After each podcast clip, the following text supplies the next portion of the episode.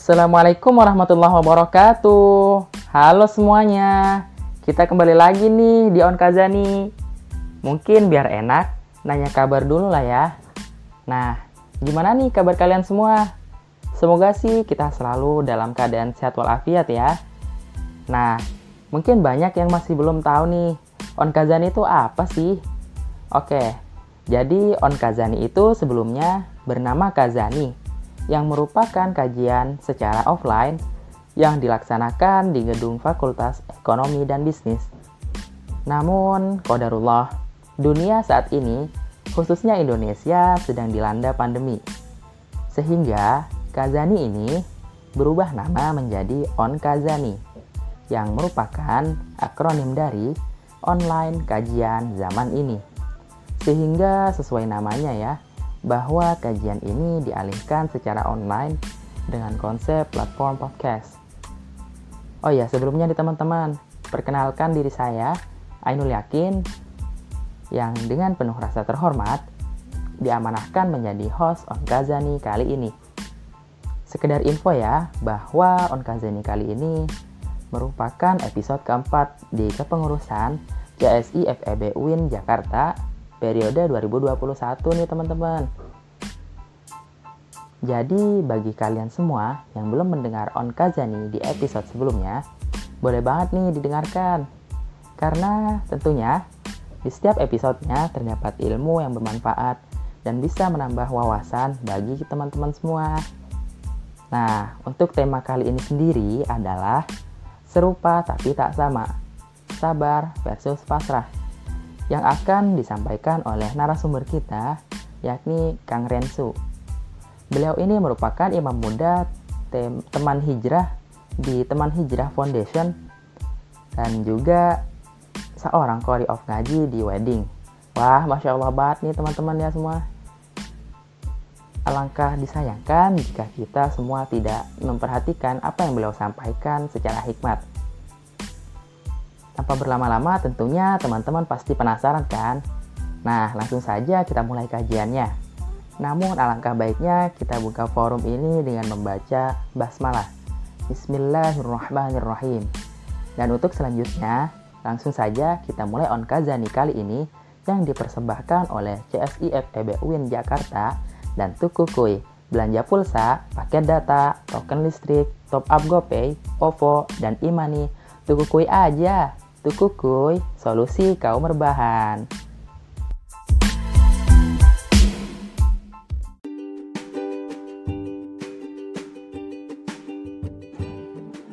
Bismillahirrahmanirrahim. Assalamualaikum warahmatullahi wabarakatuh. Apa kabarnya teman-teman? Mudah-mudahan teman-teman semua dalam keadaan sehat walafiat. Mohon izin saya Kang Rensu Untuk sedikit uh, sharing ya Berbagi khusus untuk mengingatkan diri saya pribadi Dan juga mungkin buat teman-teman semua yang mendengarkan Di podcast on Kazani ya Insya Allah mudah-mudahan kita bisa saling mengingatkan dalam kebaikan dan saling menguatkan kesabaran. Insya Allah dalam kesempatan hari ini kita akan uh, sharing atau berbicara ya, diskusi atau saling motivasi dengan tema sabar versus pasrah. Nah, masya Allah ini adalah tema yang sangat menarik sekali teman-teman, karena ini adalah hal yang tidak pernah bisa lepas dalam kehidupan kita ya, yaitu sabar. Gitu ya yang harus selalu kita hadirkan dalam setiap keadaan karena yang namanya manusia pasti selalu diuji oleh Allah Subhanahu wa taala dalam keadaan apa pun itu. Maka perlu adanya sikap sabar yang harus kita hadirkan selalu agar kita senantiasa bisa selamat, kita bisa bahagia, kita bisa tenang dan tentunya kita bisa masuk ke surganya Allah Subhanahu wa taala. Oke, untuk mengawali sharing kita insya Allah kita akan membahas tentang makna sabar ya.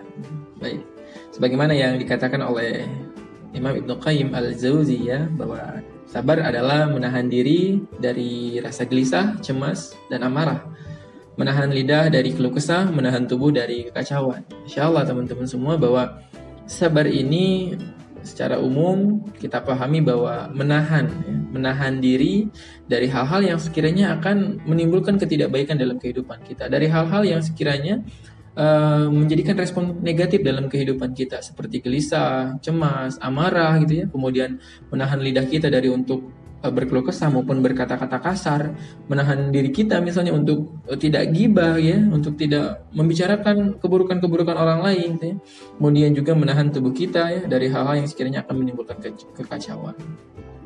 Juga uh, para ulama lain berpendapat bahwa sabar adalah kuat atau tahan ya ketika dalam keadaan sempit maupun sulit. Nah, memang pada umumnya uh, kata sabar ini sering kita konotasikan dengan keadaan ketika kita sedang diuji ya teman-teman. Ya, ketika Allah uji dalam kesempitan, ya, ketika Allah uji dalam kesulitan, maka biasanya kita senantiasa menasihatkan kepada orang-orang yang diuji, termasuk ke dalam diri kita sendiri, dengan kata sabar, sabar, sabar. Artinya apa? Kita terima, kemudian kita tahan, ya rasa-rasa gelisah. Ya Allah ketika mungkin kita diuji kita dalam keadaan sedih dan lain sebagainya maka kita tahan gitu ya. Kita tahan kita tahan. Kita tahan kegelisahan itu jangan sampai kegelisahan itu menghancurkan kita. Kita tahan kecemasan itu jangan sampai kecemasan itu menghancurkan kita teman-teman. Kita tahan amarah kita ya. Jangan sampai kemudian amarah itu menghancurkan kehidupan kita teman-teman. Karena sebagaimana uh, dikatakan oleh uh, Ali bin Abi Thalib, jika kamu mampu bersabar sebentar pada saat dirimu marah, maka hal itu dapat menghindarkan dari ribuan penyesalan di masa yang akan datang. Ini masya Allah betapa pentingnya uh, sabar dalam kehidupan kita teman-teman ya, terutama ya tadi ketika kita dihadapkan dengan kondisi-kondisi yang sekiranya akan uh, menimbulkan ketidakbaikan ketika kita tidak bersabar dalam menghadapinya gitu ya. Nah, itulah di antara hal-hal yang uh, harus kita pahami tentang sabar gitu ya. Jadi dalam kondisi-kondisi seperti kita diuji gitu ya, kondisi-kondisi ketika kita mungkin hendak marah, termasuk dalam kondisi-kondisi uh, apa ya, hal-hal yang sifatnya bukan ujian kesulitan gitu ya. Sabar dalam ketaatan misalnya ya, ketika kita uh, berusaha untuk istiqomah dalam menjalankan uh, tilawah satu hari satu juz misalnya atau berusaha untuk bangun malam maka itu perlu yang namanya kesabaran ya. Perlu ada yang namanya kesabaran. Kesabaran dalam meniti setiap langkah uh, menuju istiqomah gitu ya. Nah itu perlu juga yang namanya uh, kesabaran. Jadi sabar ini Masya Allah ya sesuatu hal yang sangat luar biasa dalam kehidupan kita. Bahkan uh, sabar juga teman-teman bagaimana juga yang uh, dikatakan oleh Ali bin Abi Thalib sabar itu bagi keimanan laksana kepala dalam tubuh gitu ya. Apabila kesabaran telah lenyap maka lenyap pula lah keimanan. Nah ini menandakan bahwa sabar itu adalah bagian yang tidak akan pernah bisa dilepaskan dari orang beriman gitu ya. Karena apa? Ya representasi daripada keimanan kita ya representasi daripada keyakinan kita kepada Allah Subhanahu wa taala maka turunannya adalah sifat sabar, menahan diri kita dari hal-hal yang sekiranya akan menghadirkan keburukan, akan menghadirkan kemaksiatan, ya, ketidakridhaan Allah kepada hal tersebut. Gitu. Maka itulah yang dimaksudkan dengan uh, sabar ya. Jadi sekali lagi bahwa sabar itu adalah menahan diri, ya, menahan diri kita, menahan hati kita, menahan perasaan kita ketika kita sedang diuji dari rasa gelisah, cemas, amarah, kemudian juga menahan lidah ya atau lisan kita dari berkeluh kesah atau misalnya menahan lidah kita dari membicarakan hal-hal yang tidak baik ya. Kemudian juga menahan uh, fisik kita ya tubuh kita dari hal-hal yang sekiranya akan menimbulkan ketidakbaikan. Begitu kira-kira teman-teman tentang uh, makna sabar. Oke, okay, baik. Lalu kemudian teman-teman semua, uh, bahasan yang kedua kita adalah tentang bagaimana hakikat sabar dalam Islam, ya, bagaimana hakikat sabar dalam Quran. Ya, sebagaimana tadi kita sudah bahas bahwa dalam meniti ketaatan kepada Allah Subhanahu wa taala ya dalam ikhtiar-ikhtiar kita untuk mendekatkan diri kita kepada Allah Subhanahu wa taala maka perlu ada yang namanya uh, sikap dan sifat sabar yang harus nanti kita hadirkan ya. Sebagaimana juga Allah katakan fa'budhu wastabir li'ibadatihi maka sembahlah dia itu Allah dan bertubuh hatilah dalam keadaan dalam beribadah kepadanya Kemudian juga Allah mengatakan dan perintahkanlah kepada keluargamu untuk mendirikan sholat dan bersabarlah bersabarlah kamu dalam mengerjakannya. Nah ini menandakan bahwa uh, ketika kita apa berusaha untuk mentaatkan diri kita, kita berusaha untuk mendekatkan diri kita kepada Allah, maka perlu ada yang namanya kesabaran. Kesabaran dari apa teman-teman?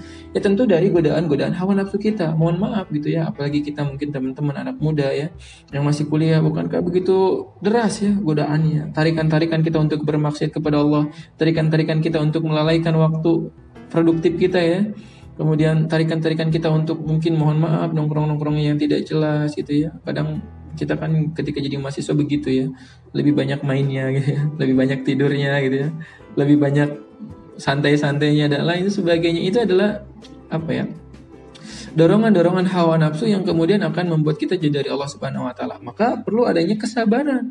Kesada kesabaran dalam uh, ketaatan kepada Allah. Kita tahan, kita tahan betul ketika ada dorongan ingin apa nongkrong misalnya mohon maaf nongkrongnya nggak faedah gitu ya. Kalau faedah insya Allah nggak apa-apa.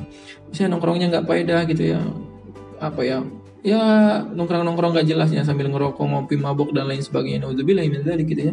Itu kan menjadi dorongan biasanya bagi anak-anak muda ya hawa nafsunya menggebu-gebu untuk melakukan itu semua. Maka sabar tahan gitu ya. Tahan tahan tahan tahan. Jangan sampai kemudian kita terjebak dan masuk ke dalam lingkungan-lingkungan seperti itu. Itu adalah bagian daripada bagaimana kita menempatkan sabar dalam ketaatan kepada Allah Subhanahu wa taala gitu teman-teman ya.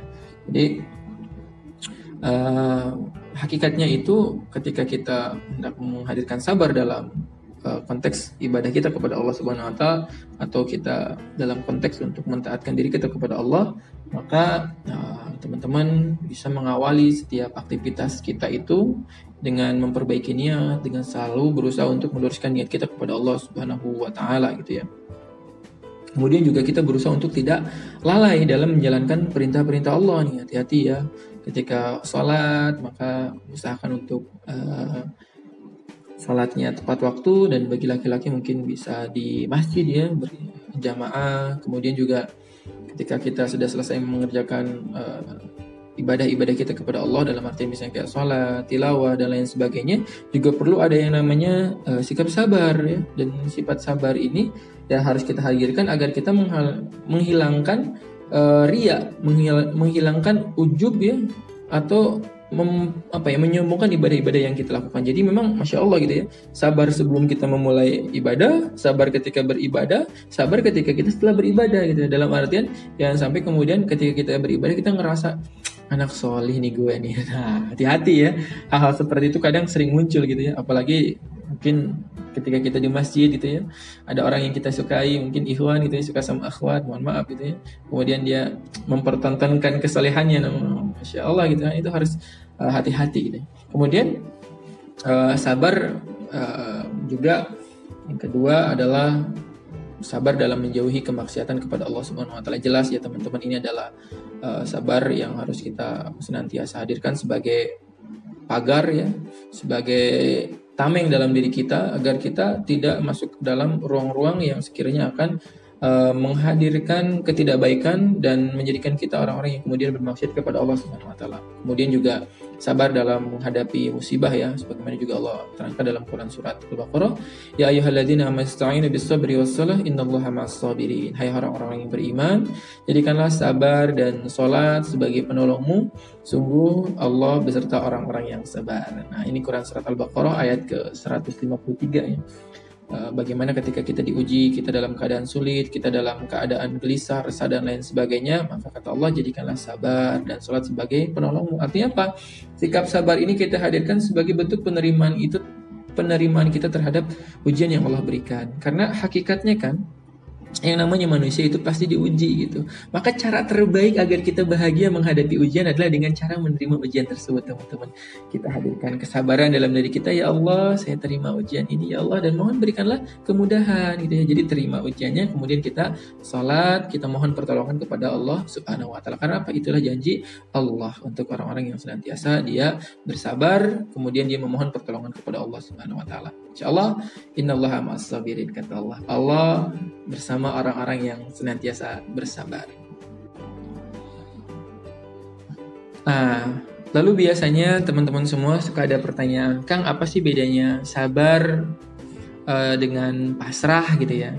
ya jelas berbeda gitu ya. Tadi di awal kita sudah lumayan panjang menjelaskan tentang sabar. Sabar itu adalah sebuah proses dan progres atau ikhtiar yang senantiasa kita lakukan dalam uh, kita melawan hawa nafsu kita gitu ya, melawan kemaksiatan, menahan diri dari eh, hal-hal uh, yang sekiranya akan menimbulkan sesuatu yang tidak baik dalam kehidupan kita. Itu adalah kesabaran ya. Termasuk tadi ada sabar dalam ketaatan ya. Kita harus bersabar teman-teman.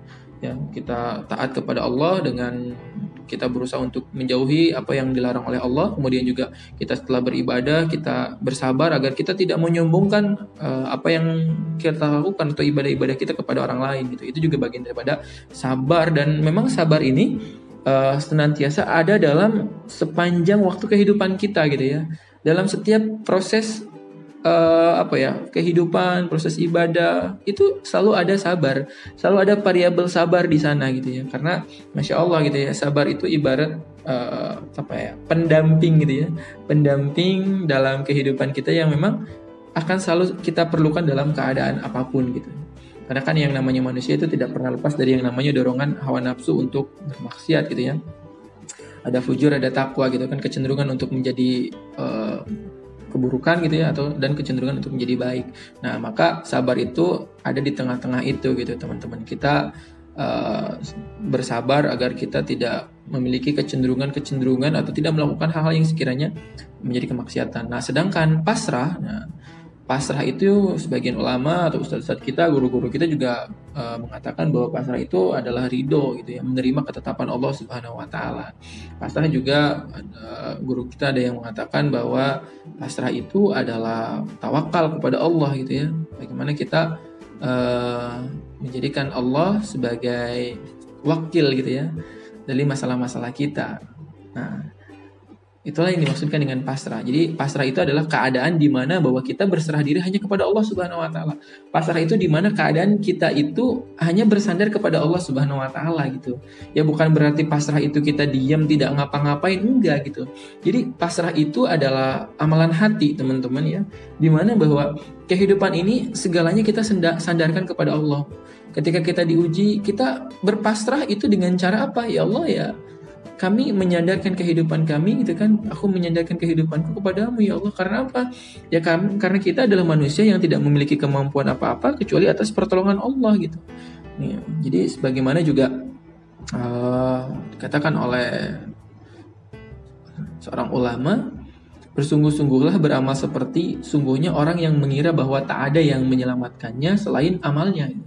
Dan berserahlah secara total kepada Allah seperti berserahnya orang yang meyakini bahwa tidak ada yang menimpanya kecuali apa yang sudah ditentukan oleh Allah Subhanahu wa taala. Nah, ini menetapkan betapa pentingnya juga uh, pasrah kepada Allah gitu ya.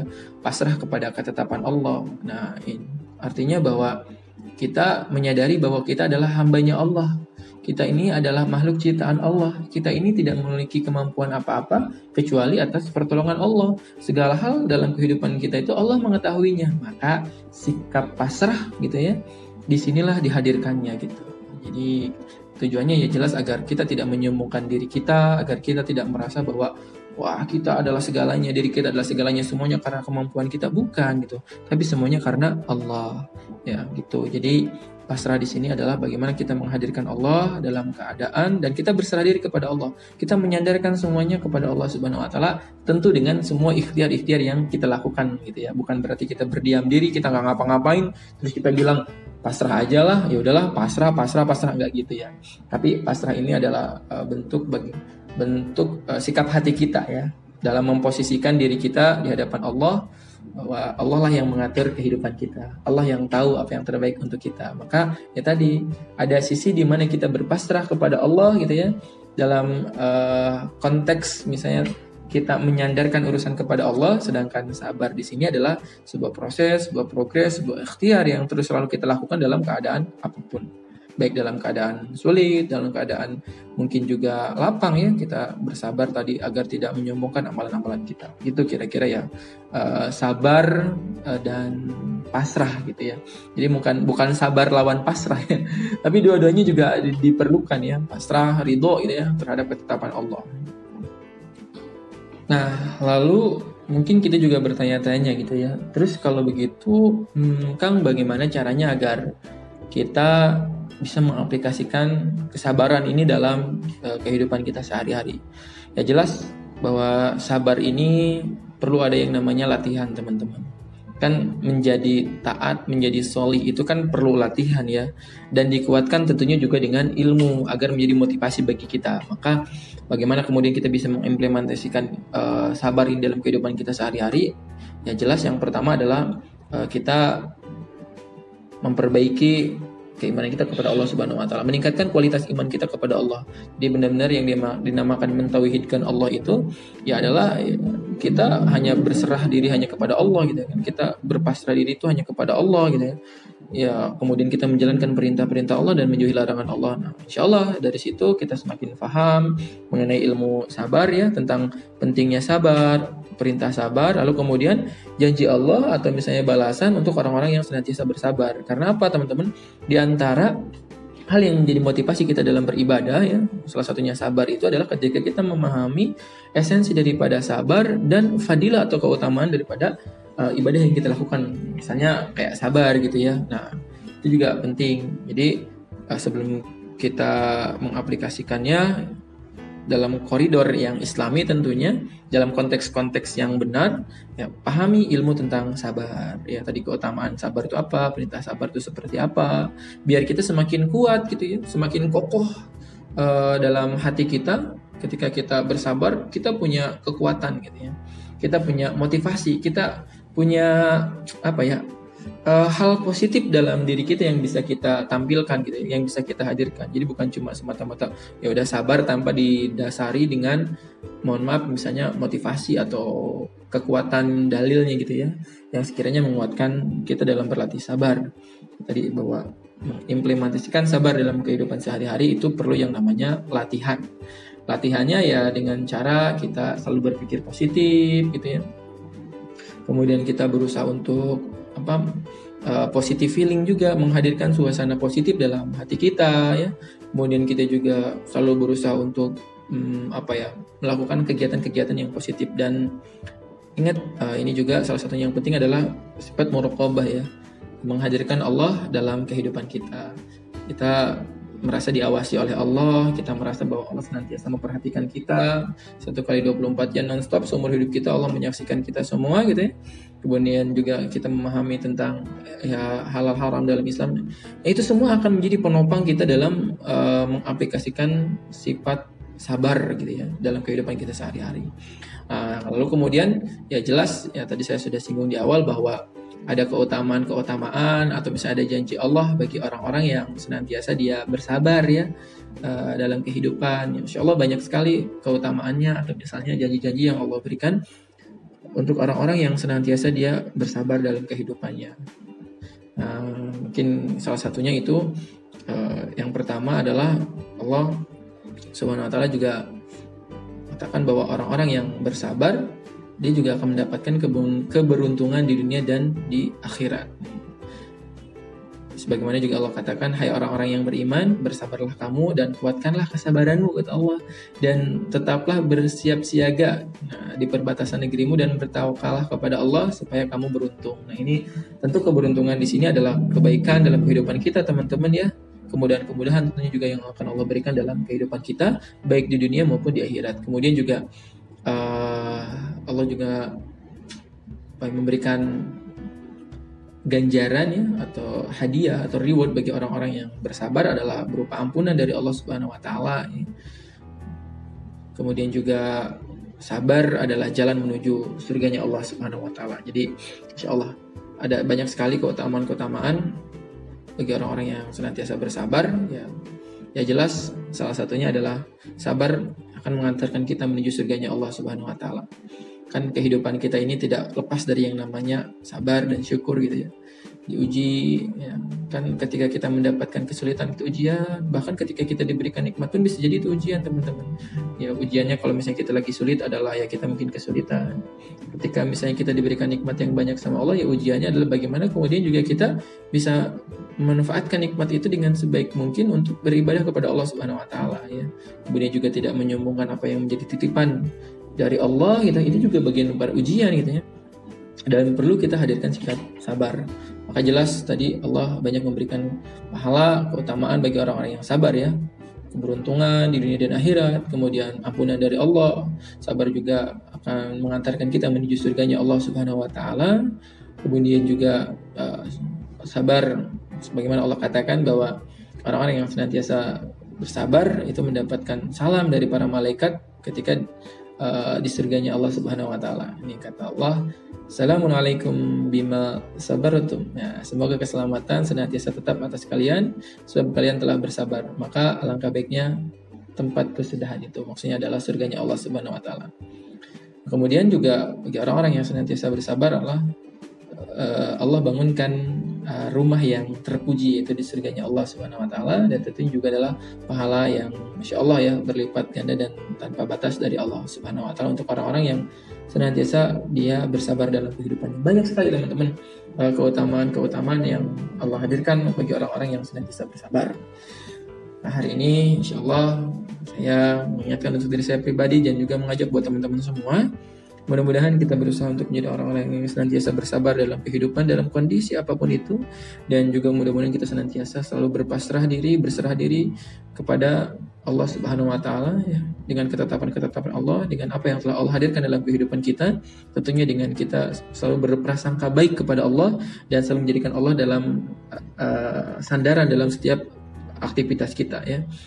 Jadi apa pun kita sandarkan kepada Allah. Ya, apa pun itu kita sandarkan kepada Allah. Apa pun yang hal yang baik kita niatkan untuk Allah Subhanahu Wa Taala. Insya Allah mudah-mudahan kita semua jadikan orang-orang yang kelak oleh Allah dengan sabar-sabarnya kita memasuki surganya Allah Subhanahu Wa Taala. Allah a'lam Mudah-mudahan bisa memberikan inspirasi dan motivasi bagi kita semua. dan mohon maaf apabila ada kekurangan teman-teman semua. Barakallahu fikum. Assalamualaikum warahmatullahi wabarakatuh.